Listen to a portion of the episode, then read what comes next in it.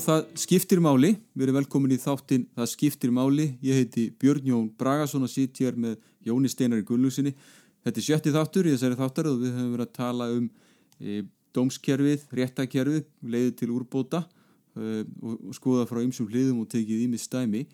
E, já, kannski kannski komum aftur á því, Jón Steinar, sko, við þú rakið margvíslega vankanta sem er ekki, og mýmillega sem er ekki búið að vinna bug á. Hvað er til úrbóta? Já, það er auðvitað nöðsynlegt að, að hafa hugmyndur um það ef maður er að gaggrína núverandi hátt á, á meðferð dómsmálana að maður hafi þá e, e, tillugur um það hvað er hægt að gera til þess að bæta úr þessu. Þegar að var verið að gera breyti, stopna landsréttin sem var náttúrulega líkil atriði, það var alveg nöðsynlegt að gera það og ég var alltaf stutt það að þá áttum við að gera það öðruvísi heldur en gert var að mínu áliti. Það eftir eftir sem áður að gera ráð fyrir því að hvert mál færi aðeins á tvö domstig. Það er að segja ekki á þrjú eins og núna er algengt með þau mál sem fara til hæstarettar að þau eru búin að ganga í gegnum bæði hérastóm og landsrétt.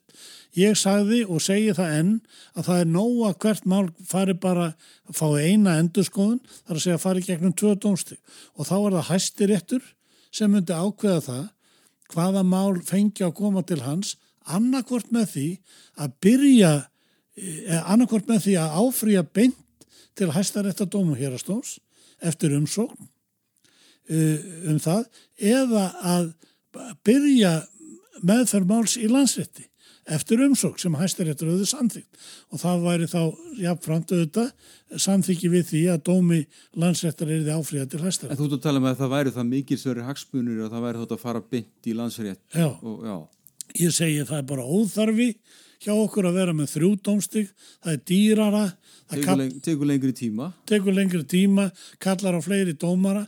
Mín til að var um það að hæstaréttadómarar væri bara fimm og ef að þessi tillaga hefði verið samþygt eða þessi háttur að þá hefði verið hægt að hafa landsettadómaruna líka færri.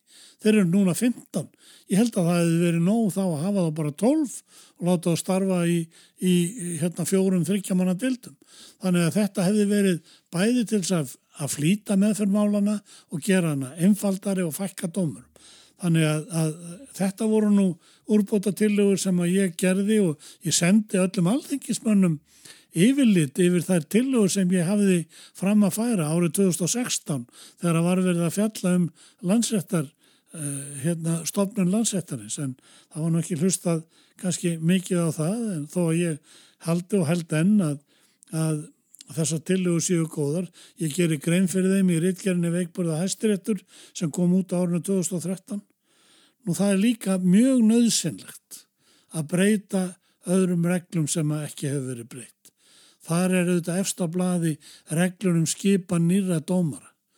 Nú er búið að koma þeirra skipan á með lagabreitingu sem var gerða á ornu 2010 að það eru dómararnir og dómaraelitan sem ég kalla svo sem ræður því hverjir verða nýjir dómarar í hestarétti til dæmis. Ráðþöran hefur kannski ekkit mikið um þetta að segja?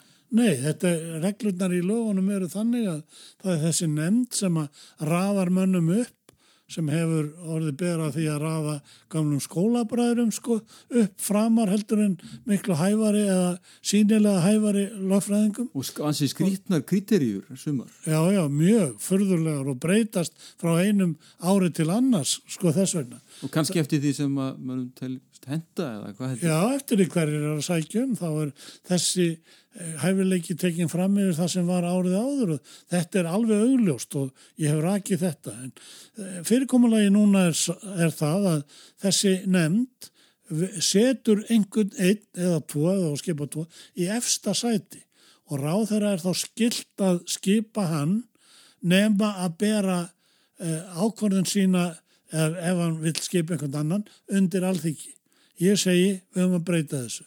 Sanga stjórnarskjóni það er það ráð þeirra sem ber ábyrð á skipun uh, dómara. Við höfum að hafa þetta matsnefnd sem leggur raukstutt mat á hæfni umsækjandum dómarembætti ráð þeirra á síðan að velja þann kandidat sem að hann kýs og síðan á alþingi að samþykja ákverðun ráð þeirra og það eigum við að gera með þeim hætti eins og þekkist nú til dæmis í bandaríkjónum að viðkomandi dómari sem að ráðherra vil skipa mætir fyrir að minnstakosti þingnemnd ef ekki bara uh, þingin í held, allavega þingnemnd og svarar það spurningum alþingismanna um afstöðu sína til ímissa hluta í rétt, meðferð réttarins, til dæmis hvort að heimilt sé að vikja frá stjórnarskraf, hvort að heimilt sé að setja nýju lög og, og þess áttar og við höfum að leifa fjölmiðlum að fylgjast með þessari yfirherslu og sjónvarpa bara frá, frá henni.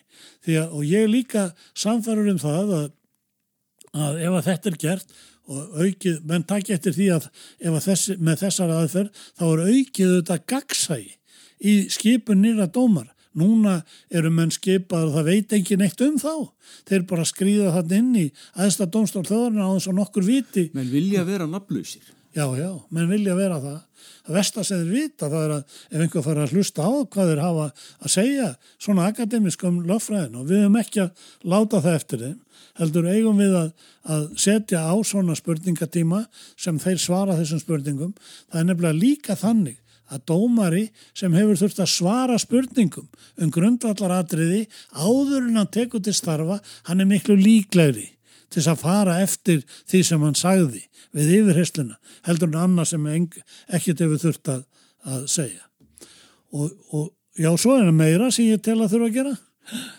Eins og til dæmis ég hef lagt áherslu á það að við höfum að breyta reglum um, um hvernig atkvæðin eru skrifuð. Menn hlustuðu nú á hérna í útarpinu og við tölum um það. Kenningar eða lýsingar Eiríks Tómassonar dómara sem hefur verið dómari á því hvernig atkvæðin eru skrifuð þetta er eitthvað samningamakk á milli dómarana þar sem að, að já, stundum hvað rekur sér annars hótt. En líka ef við kannski förum bara, förum bara í sko, sko réttar heimsbyggina það, það, það, það lítur að vera bara einn rétt lögfræli niðurstað sem er hljóta að vera leiða í ljós og það er ekki verið að vinna því með þessu múti.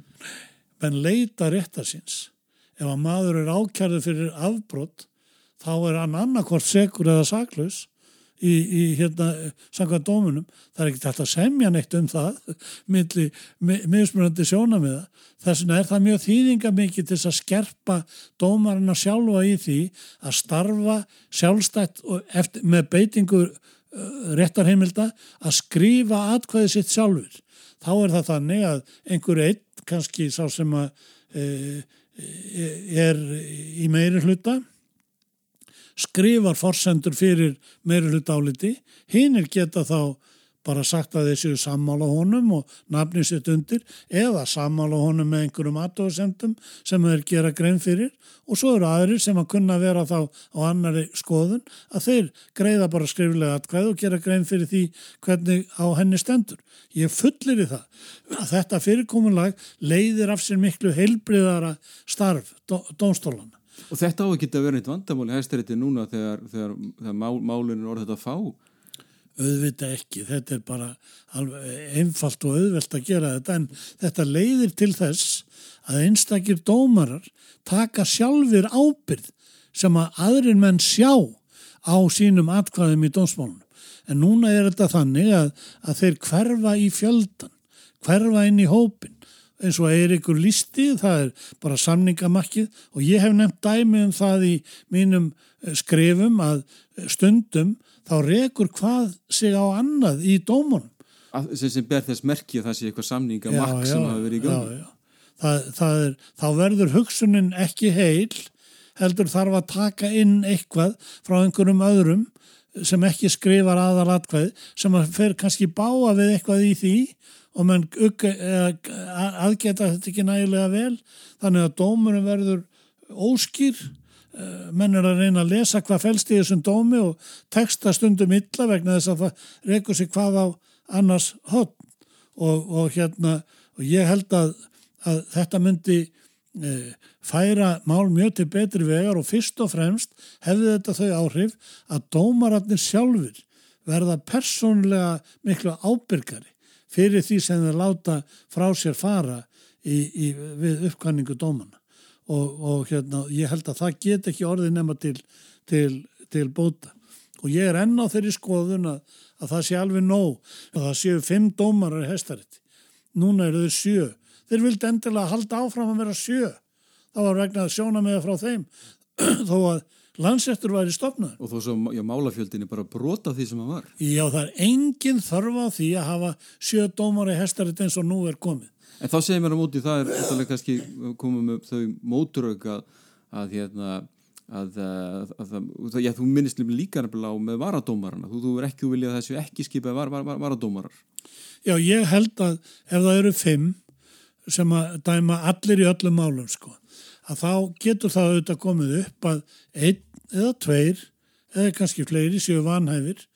Ég vil hafa reglu um það að ef það er bara einn eða tveir sem verða, get ekki tekið þátt í afgræðamál, þá er ég bara hinnir að gera það sem eftir sittja og ef þeir eru fjórir eftir, þá getum getu við haft ákvæðum það að atkvæðið fórsetta sé åtta atkvæði sem ræði þá niðurstöðu. Ef það eru fleiri en, en tveir sem að vikja sæti vegna vanæfis, að þá er þau við að grípa þetta til Eh, regl, eh, til varadómara. En al almennt ekki og það er óæskilegt að vera með varadómara. Já, já, auðvitað er það óæskil. Við erum að reyna að reyka heilst eftir domstól þar sem að fordæmi eru sköpuð sko og þeim fyllt og þeim eru auðvitað best fyllt þegar það eru sömu menninir sem dæma og eftir þessum reglum sem við höfum, höfum talað um hérna.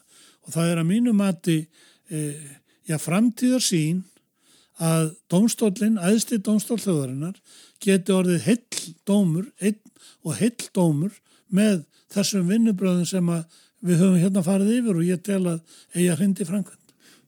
Marð, þú sagðir einhver tíman að ef að hæstiréttur er í lægi þá er, svo, þá er allt annað og svo, svo margt annað í lægi líka. Við kannski, það er að sé svo mikið grundvallaratriði í, í réttaríki og, og, og, bara hvað ríki, fyrir, fyrir ríki að hæstiréttur sé í lægi. Já, algjörlega. Það er líka þannig að, að dómarar á neðri domstugum, þeir vita það ef að þeir fara eitthvað út af spórunu, að þá er hæstir eftir eftir og ef að hann er í lægi þá gæta þeir miklu betur að sér.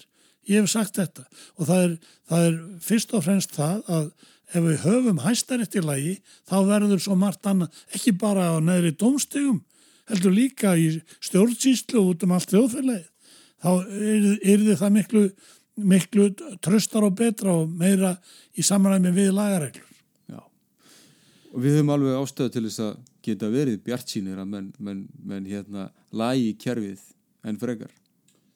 Já, ég vona það. Kanski stendur það einhverjum af þessum fyrverandi vinnum mínum fyrir þrifum að ég skuli stinga upp á svona breytingum en og ég taldi það nú verra en einn lausni væri svo að býða þá bara eftir því að ég rekk upp á og gera þetta þá.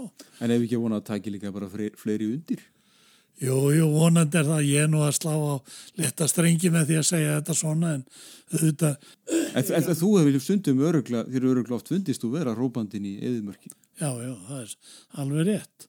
En ég hef hins vegar reynd að temja mér það að láta ekki ruggla mig í rýminu, sko að reyna að vera bara sjálfum mér trúr sama hvað gerist. Ég er búin að missa fjöldan allan af vinnum mínum sem einu sinni voru og það verður bara að hafa það því að ég reyni að fylgja bara samfæringum minni og þeirri lögfræði sem ég tel rétt, réttasta og þeir verða þá bara að eiga sig sko ef þeir vil ekki, vil ekki unna því. Það verður bara að vera þannig. Og þú valdir, valdir þetta heiti og æfisöguna í krafti samfæringar? Já það var enda kona mín já, sem já. að stakk upp á nafnin Já, já hún, hún, hún, hún þekkir það náttúrulega veð Já, ert. hún þekkir það. Ef að kallin hefur saffaríku fyrir einhverju þá er ekki mjög öðvöld að eiga við það Nei, nei, nei.